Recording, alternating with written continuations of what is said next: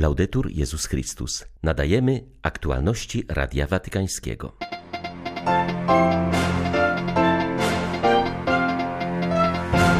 Sport może być drogą osobistego i społecznego wyzwolenia, sposobem na odzyskanie godności, powiedział papież do uczestników szczytu w Watykanie.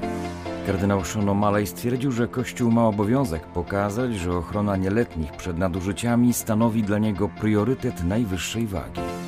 Jutro odbędą się najważniejsze od kilkunastu lat wybory w Brazylii. Kościół wzywa do zainteresowania kandydatami, którzy patrzą na dobro cierpiących ludzi i chcą budować jedność narodową.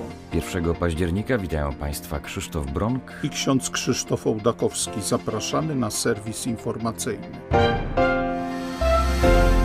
Kościół jest blisko sportu, ponieważ wierzy w grę i aktywność sportową jako miejsce spotkania ludzi, kształtowania wartości i braterstwa, powiedział papież do uczestników międzynarodowego szczytu Sport dla wszystkich, spójny, dostępny i na miarę każdej osoby. Franciszek zaznaczył, że aby sprostać tytułowemu wyzwaniu, należy podjąć je w drużynie i solidarnie połączyć siły. Zwrócił także uwagę, że sport czuje się w kościele jak w domu, szczególnie w szkołach, oratoriach i centrach młodzieżowych. Ojciec Święty stwierdził, że kiedy uprawiając sport stawia się w centrum osoby, to wówczas wzrasta przyjemność ze wspólnej gry, rośnie w ludziach świadomość uczestnictwa, dzielenia się i poczucia bycia częścią grupy. Tak jak poszczególne części ciała tworzą jeden organizm, tak zawodnicy tworzą drużynę, a ludzie wspólnotę. Sport może być dla społeczeństwa symbolem jedności, doświadczeniem integracji, przykładem spójności oraz przesłaniem zgody i pokoju.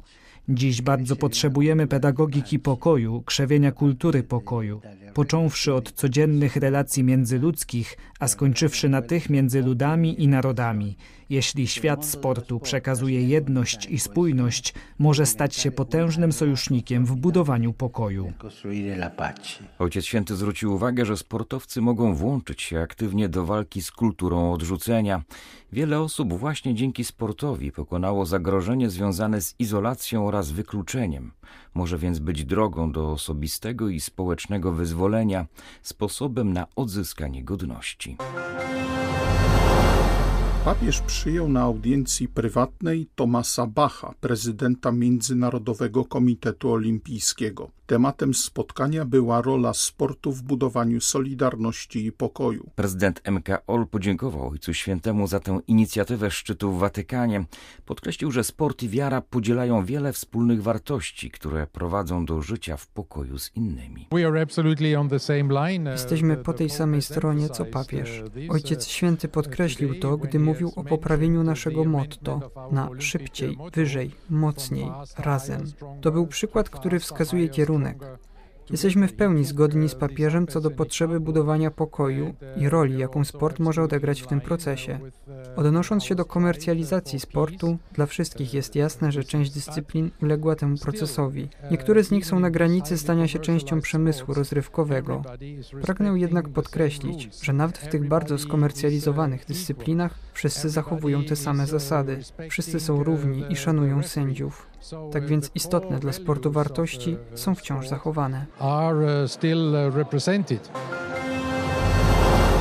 Nie da się zrozumieć soboru, jeśli w centrum nie postawimy ewangelizacji, zauważa papież z okazji 60. rocznicy rozpoczęcia Vaticanum Secundum. Franciszek przypomina, iż sobór zwołano w kontekście świata oddalającego się od chrześcijaństwa i wypływał z pytania, jak mówić o Jezusie ludziom naszych czasów. Franciszek zauważa, że Sobór nie został jeszcze w pełni zrozumiany, przeżyty i zastosowany w praktyce.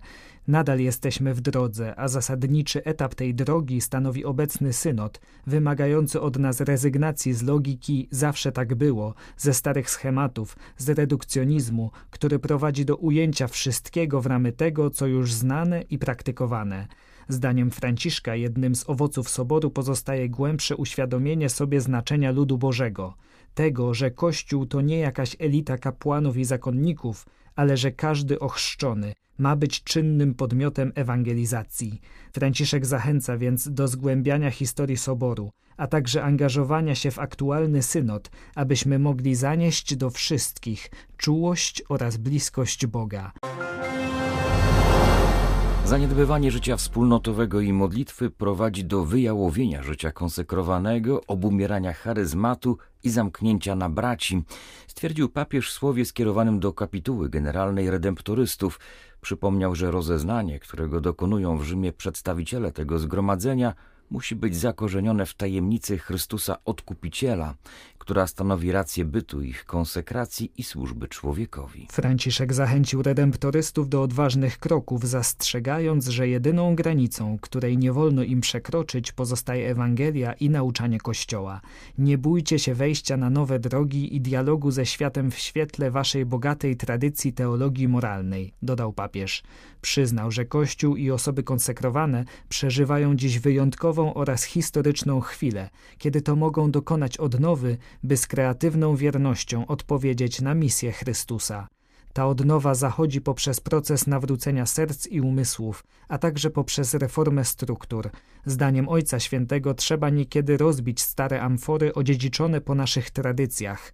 Dostarczyły tak wiele wody, ale spełniły już swoje zadanie, stwierdził papież, dodając, że stłuczenie tych naczyń pełnych uczuć, tradycji kulturowych i historii nie jest łatwym zadaniem. Podkreślił, że to bolesne, ale niezbędne, jeśli chcemy pić nową wodę, która pochodzi od Ducha Świętego, źródła wszelkiej odnowy.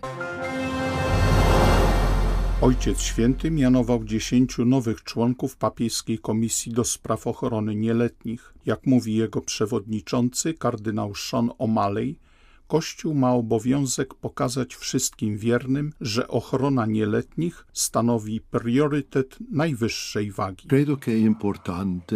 Wierzę, że trzeba znać faktyczną sytuację i historię, abyśmy nie doświadczyli tego na nowo. To kwestia sprawiedliwości. Chodzi o bolesny proces, ale jego celem jest opieka nad skrzywdzonymi, czynienie sprawiedliwości, a także tworzenie kościoła, gdzie my, ojcowie rodziny, czujemy, iż nasze dzieci pozostają bezpieczne. W Stanach Zjednoczonych Zjednoczonych przeprowadziliśmy refleksje, które pomogły nam sformułować protokoły w celu stworzenia bezpieczniejszego kościoła. Po kryzysie z roku 2002 wzięliśmy na poważnie kwestię nadużyć jako problem, jaki należy rozwiązać razem. I po dokonaniu różnych definitywnych kroków widzimy, że nowych przypadków jest bardzo mało. To pokazuje, że jeśli podejmie się wysiłek, można zmienić sytuację, uzdrowić ją. Oczywiście nawet jeden przypadek to tragedia, ale widzimy, że mamy ich o wiele mniej w całym kraju país entero. Dzisiaj przypada ustanowiony przez ONZ Międzynarodowy Dzień Osób Starszych. Przypominając znaczenie ostatnich katechez papieża poświęconych seniorom, arcybiskup Vincenzo Paglia używa metafory czteropiętrowego budynku, aby opisać dzisiejsze społeczeństwo. Przewodniczący Papieskiej Akademii Życia zwraca uwagę, że nigdy wcześniej nie było tylu starszych co dzisiaj. Dlatego powinni się oni znaleźć w centrum uwagi naszego społeczeństwa. Po raz pierwszy w historii ludzkości mamy do czynienia z masową starością. Mówienie o trzecim wieku jest redukcyjne. Jesteśmy w czterech okresach: dzieci, młodzież, dorośli i starsi. Jak czteropiętrowy budynek pełen ludzi, niestety trochę niezrównoważony i gdzie na najwyższym piętrze jest tłoczno. Istnieje zagrożenie, brakuje schodów i wind w tym budynku, czyli brakuje komunikacji między pokoleniami. Dlatego kluczowe znaczenie ma myślenie o bogactwie, jakie starsi ludzie wnoszą do społeczeństwa. Nie są ciężarem i odpadem, są zasobem. Między dziadkami a wnukami istnieje relacja współudziału, przywiązania i sympatii. Przynoszą one naszym dzieciom rzekę uczuć w społeczeństwie, które jest zbyt mało afektywne. Rodzice są zajęci, nie spędzają czasu ze swoimi dziećmi, które z kolei spędzają godziny przed komputerem, w wirtualnej bańce ze wszystkimi zagrożeniami i deprywacją z tym związanymi.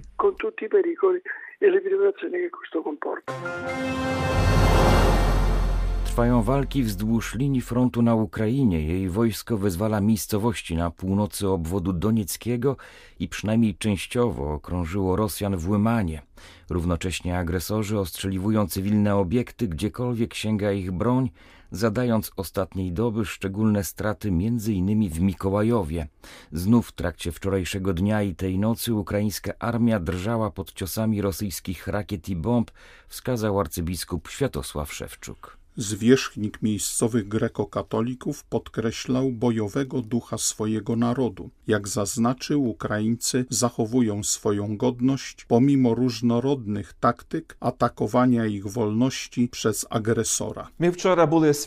Wczoraj byliśmy świadkami bezprecedensowego wydarzenia we współczesnej historii ludzkości. Bezstydnej kradzieży na poziomie państwowym, kiedy Rosja z jej prezydentem na czele, z uśmiechem na ustach, ogłosiła aneksję okupowanych ziem Ukrainy.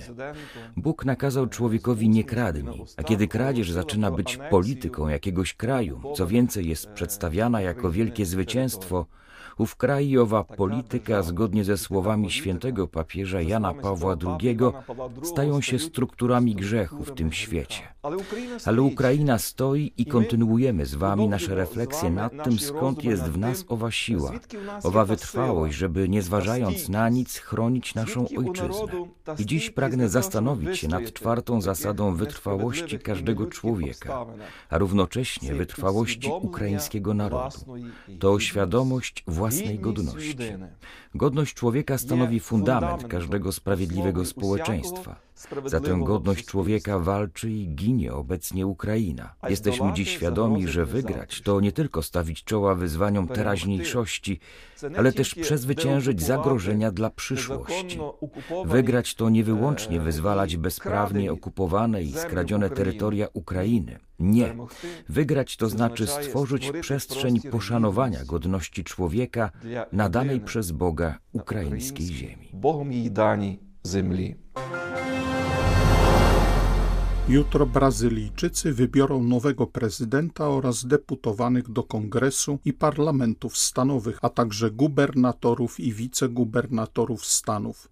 To najważniejsze wybory od kilkunastu lat. Przy urnach ma się stawić 156 milionów obywateli Brazylii, jako że wybory są obowiązkowe. Faworytem wyścigu o fotel prezydencki pozostaje Luis Inácio Lula da Silva, znany polityk lewicowy, który przewodził krajowi w latach 2003-2010.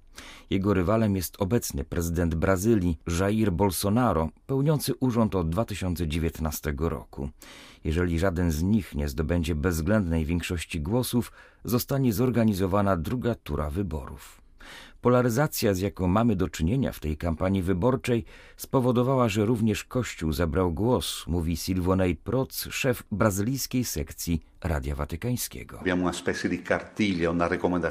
Biskupi brazylijscy wezwali do wyboru tych kandydatów, którzy wnoszą pozytywne wartości i propozycje dla kraju. Chciałbym przypomnieć, że Kościół brazylijski nie popiera określonej partii politycznej, ale patrzy na dobro całego narodu, który cierpi jak wiele innych z powodu kryzysu gospodarczego i pandemii. Kościół sugeruje więc, żeby pamiętać o wadze tych wyborów. My, Brazylijczycy, jesteśmy ludźmi radosnymi i właśnie z tego stanu ducha musimy wytyczyć drogę, którą będziemy podążać. Musimy na nowo odkryć poczucie jedności. Powierzchnia Brazylii przekracza 8 milionów kilometrów kwadratowych. Jesteśmy więksi niż cała Europa. Przeprowadzka z północy na południe kraju to jak wyjazd z Rzymu do Nowego Jorku. W jaki sposób moglibyśmy jako naród myśleć identycznie, gdy nasz kraj składa się z tak wielu kultur i regionów? Właśnie dlatego powinniśmy budować jedność narodową, także poprzez to głosowanie, poprzez dialog, jak często mówi papież Franciszek. Były to aktualności Radia Watykańskiego. Laudetur Jezus Chrystus.